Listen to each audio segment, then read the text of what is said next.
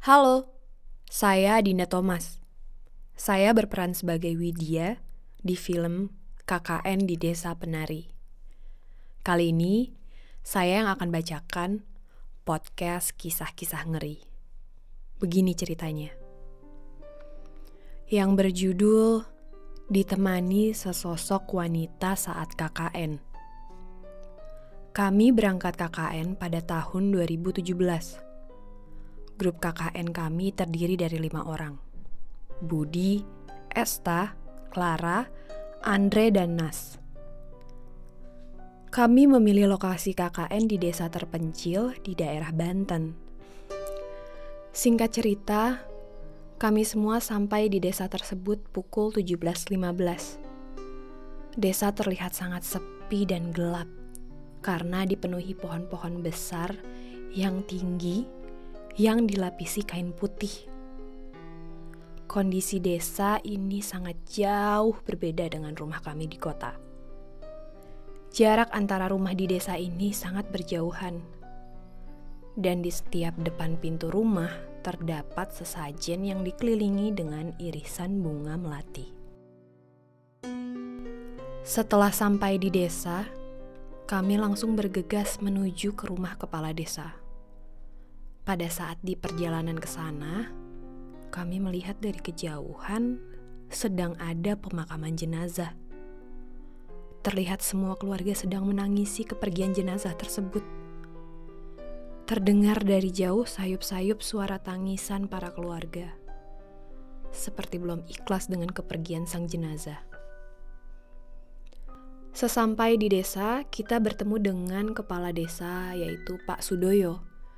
Yang kebetulan beliau habis dari pemakaman jenazah tersebut. Budi bertanya kepada Pak Sudoyo. Pak, tadi ada yang meninggal ya? Saya lihat ada pemakaman, Pak, sampai di sini. Dengan ekspresi mencurigakan, Pak Sudoyo hanya tersenyum aneh dan menjawab, "Iya, beliau salah satu anggota desa sini. Meninggal karena sudah lama sakit dan tidak bisa dibawa ke rumah sakit. Beliau sudah tenang sekarang." Setelah itu, Pak Sudoyo langsung mengantarkan kita ke rumah untuk tempat tinggal kami selama menjalankan program KKN. Rumah tersebut dikelilingi oleh pohon-pohon besar dan tinggi yang membuat suasana rumah terasa gelap, walaupun pada siang hari. Pada saat memasuki rumah tersebut, sangat terasa bahwa rumah itu sudah lama tidak ditempati. Rumah tersebut hanya dilapisi oleh anyaman kayu yang hanya beralas tanah. Kita semua tinggal satu rumah, hanya berbeda kamar. Pak, ini rumah udah lama gak ditempatin ya? Tanya Clara ke Pak Sudoyo. Iya, rumah ini memang khusus buat tamu yang singgah dan mahasiswa-mahasiswa yang sedang KKN di sini seperti kalian. Jadi jarang ditempati. Kami semua hanya terdiam. Nah, sekarang kalian silakan masuk ke kamar kalian. Ini buat yang perempuan, dan yang sebelah kanan buat yang laki-laki. Mohon maaf jika kondisi kamar seadanya, kata Pak Sudoyo. Pada saat Andre dan Budi memasuki kamarnya, terdapat foto wanita terpajang di meja dengan berpakaian putih dan rambut terurai panjang yang sedang memandang pohon besar. Anjir, foto siapa ini Andre? Kok serem banget ya? Yang mana gue tahu, nanti gue tanya Pak Sudoyo deh, jawab Andre. Mereka bingung dan merasa aneh dengan foto tersebut. Andre langsung memasukkan foto tersebut ke laci meja. Waktu sudah menunjukkan pukul 19.55. Suasana malam di desa ini sangat sunyi, sepi, dan hanya terdengar suara jangkrik. Tidak lama, Pak Sudoyo pun datang ke rumah dan memanggil untuk makan malam. Ini makan malam kalian, buatan istri saya. Maaf cuma bisa ngasih ini seadanya. Mari silahkan dimakan. Kami pun langsung memakan makanan tersebut. Selagi makan, Andre langsung menanyakan tentang foto tersebut yang ada di kamar. Dan dengan tatapan sinis Pak Sudoyo menjawab, Itu foto Ibu Asani yang tadi sore baru dimakamkan. Beliau adalah sosok penting di desa ini, dan di setiap rumah harus memajang foto beliau. Tidak boleh dipindahkan, apalagi disimpan di tempat tertutup. Andre dan Budi pun terkaget. Mereka sangat panik. Singkat cerita, makan malam selesai dan Pak Sudoyo kembali ke rumahnya. Kami pun memasuki kamar untuk segera tidur karena waktu juga sudah larut malam. Di kamarnya, Andre dan Budi meletakkan kembali foto tersebut di meja tempat asalnya. Dan mereka langsung tertidur.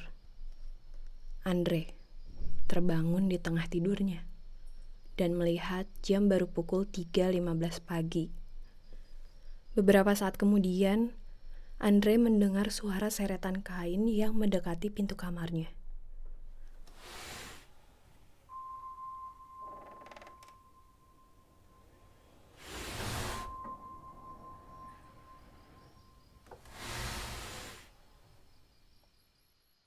Terlihat dari pintu ada seseorang wanita menggunakan baju putih, rambutnya panjang, terurai sampai ke lantai.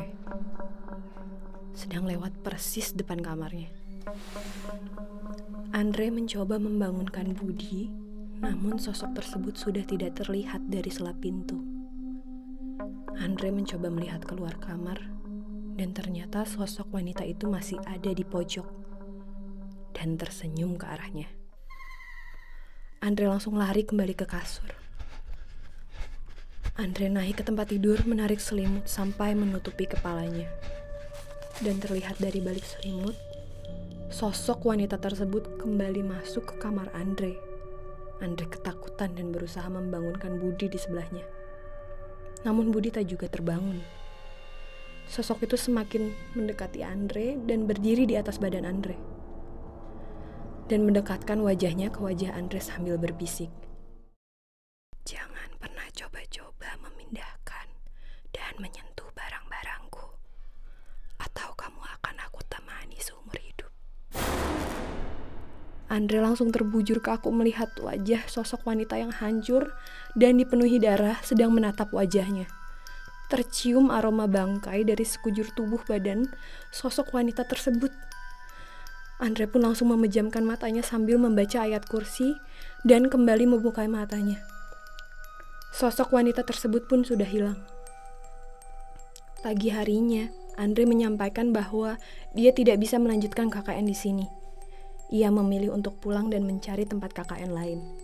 Tanpa menjelaskan alasan kepada teman-temannya, Andre pun pergi meninggalkan teman-temannya dengan pesan, "Jangan pernah nyentuh dan memindahkan barang-barang di rumah ini, atau kalian kena imbasnya." Andre pun pulang kembali ke kota, sementara sisa temannya tetap melanjutkan KKN dengan penuh tanya. Ada apa dengan Andre? Untuk kamu yang mau juga ceritanya dibacakan di podcast kisah-kisah ngeri, silahkan kirimkan cerita kamu ke email kkn di desa penari movie at gmail.com.